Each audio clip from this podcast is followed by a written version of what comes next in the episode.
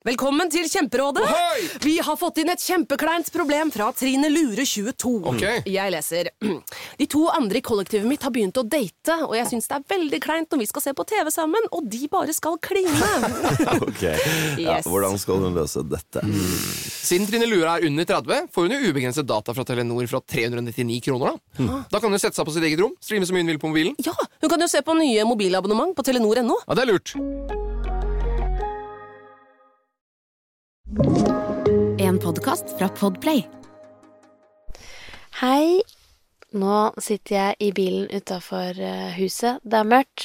Det er seint, begge barna sover, men jeg har vært på butikken og henta en pakke som jeg måtte hente før jeg skulle ta påskeferie.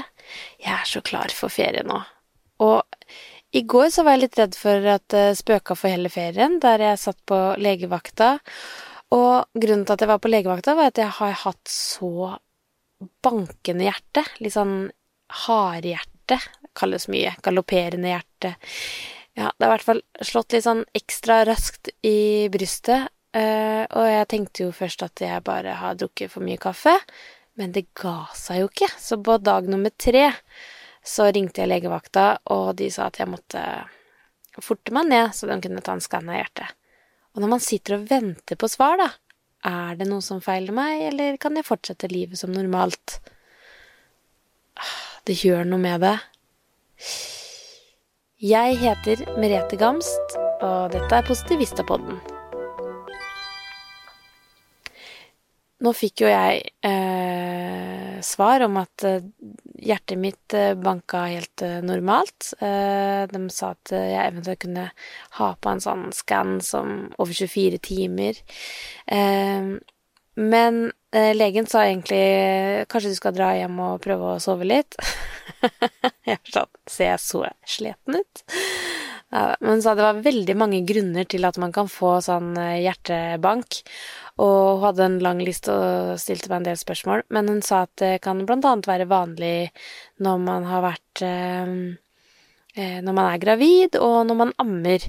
Og jeg hadde en spørreundersøkelse på Instagrammen min, og det var veldig mange som hadde opplevd hjertebank.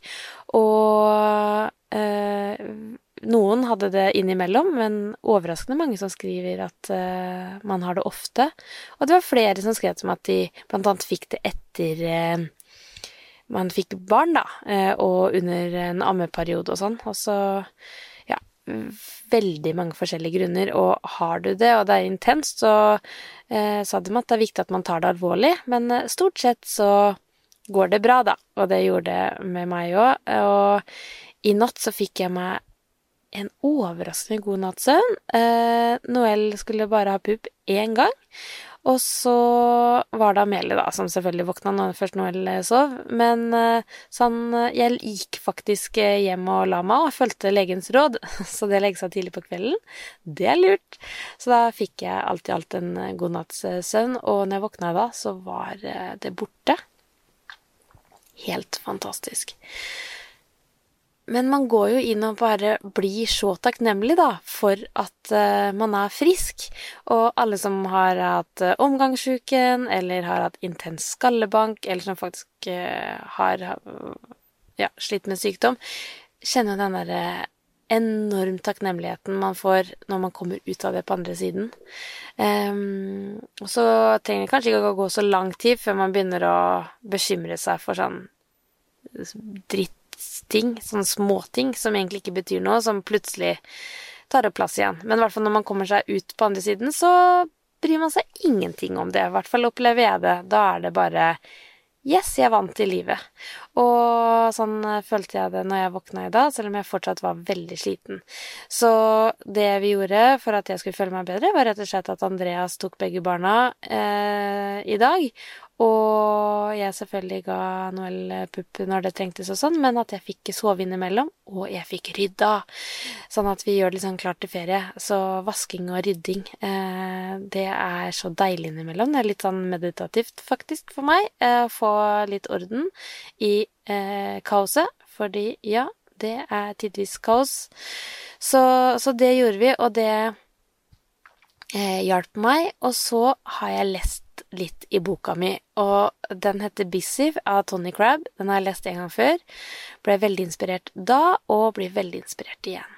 Og så tenkte jeg det her skal jeg teste nå når jeg går inn i påskeferien. Og eh, han kaller det happy tack, og det er rett og slett at eh, man anerkjenner øyeblikkene. At man liksom stopper opp eh, midt under middagen og bare sier 'Å, nå kjenner jeg på en happy tack'. At man kjenner på en takknemlighet da, eh, i øyeblikket, som ikke trenger å være så veldig spesielt, men litt sånn i hverdagslige ting.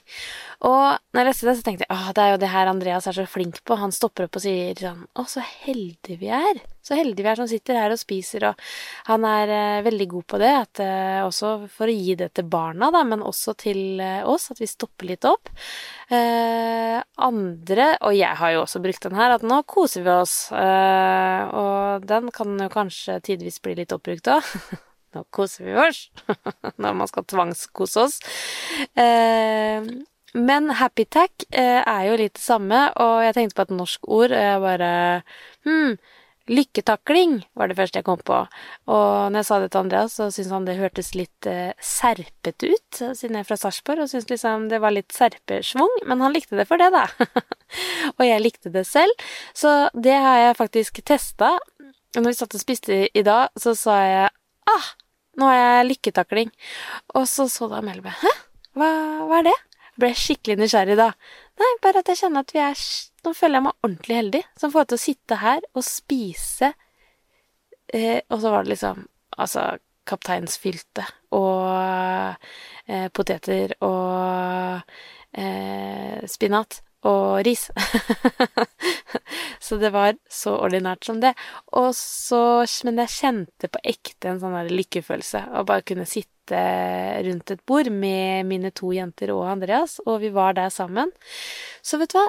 Det skal jeg bruke oftere, ta i bruk det, eh, nå når jeg går inn i påska. Lykketakling på helt sånn vanlige øyeblikk. Og en annen ting i den boka som vi tar med på tampen, er jo det der at gi, gi det litt tid, og la på en måte kosen synke inn. At man ikke skal stappe altfor mye inn i dagene. Jeg har en tendens til å planlegge når man skal på ferie, og liksom aktivitet her og overnatting der og pop, pop, pop, jo mer eh, inn i planen, jo bedre. Um, og det er litt slitsomt. Så det å på en måte si skal ikke legge så mye planer, vi skal bare kose oss sammen. Bare ta det med ro. Og det var det han påpekte i boka òg, at liksom én ferie hvor alt er planlagt, og man skal eh, spise middager, ting, alt er planlagt og booka inn, og en annen ferie hvor man er på en hytte, og man går på tur, eh, og så er man sammen, eh, og har egentlig ikke så veldig mye planer utover det. Det er det man sitter igjen med etterpå, og eh, virkelig kjenner at det var en verdifull ferie. Så det skal jeg gjøre nå. Lykketaklinger og roe ned reka, roe ned hjertet og kose meg sammen med familien. Så håper jeg at du får en fin påske, og at du har en kjempefin dag videre.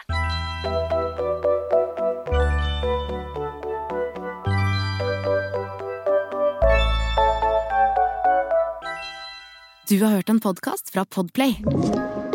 En enklere måte å høre podkast på. Last ned appen Podplay, eller se podplay.no. Å ta bedriftens årsoppgjør og sende inn skattemelding uten regnskapsprogrammet TrippelTex er litt som å kjøre budbil uten GPS. Du får nok levert, til slutt, men ikke uten å rote rundt og bruke masse tid. Med TrippelTex kan du stole på at du har riktig verktøy til regnskapsjobben. Prøv gratis på TrippelTex.no.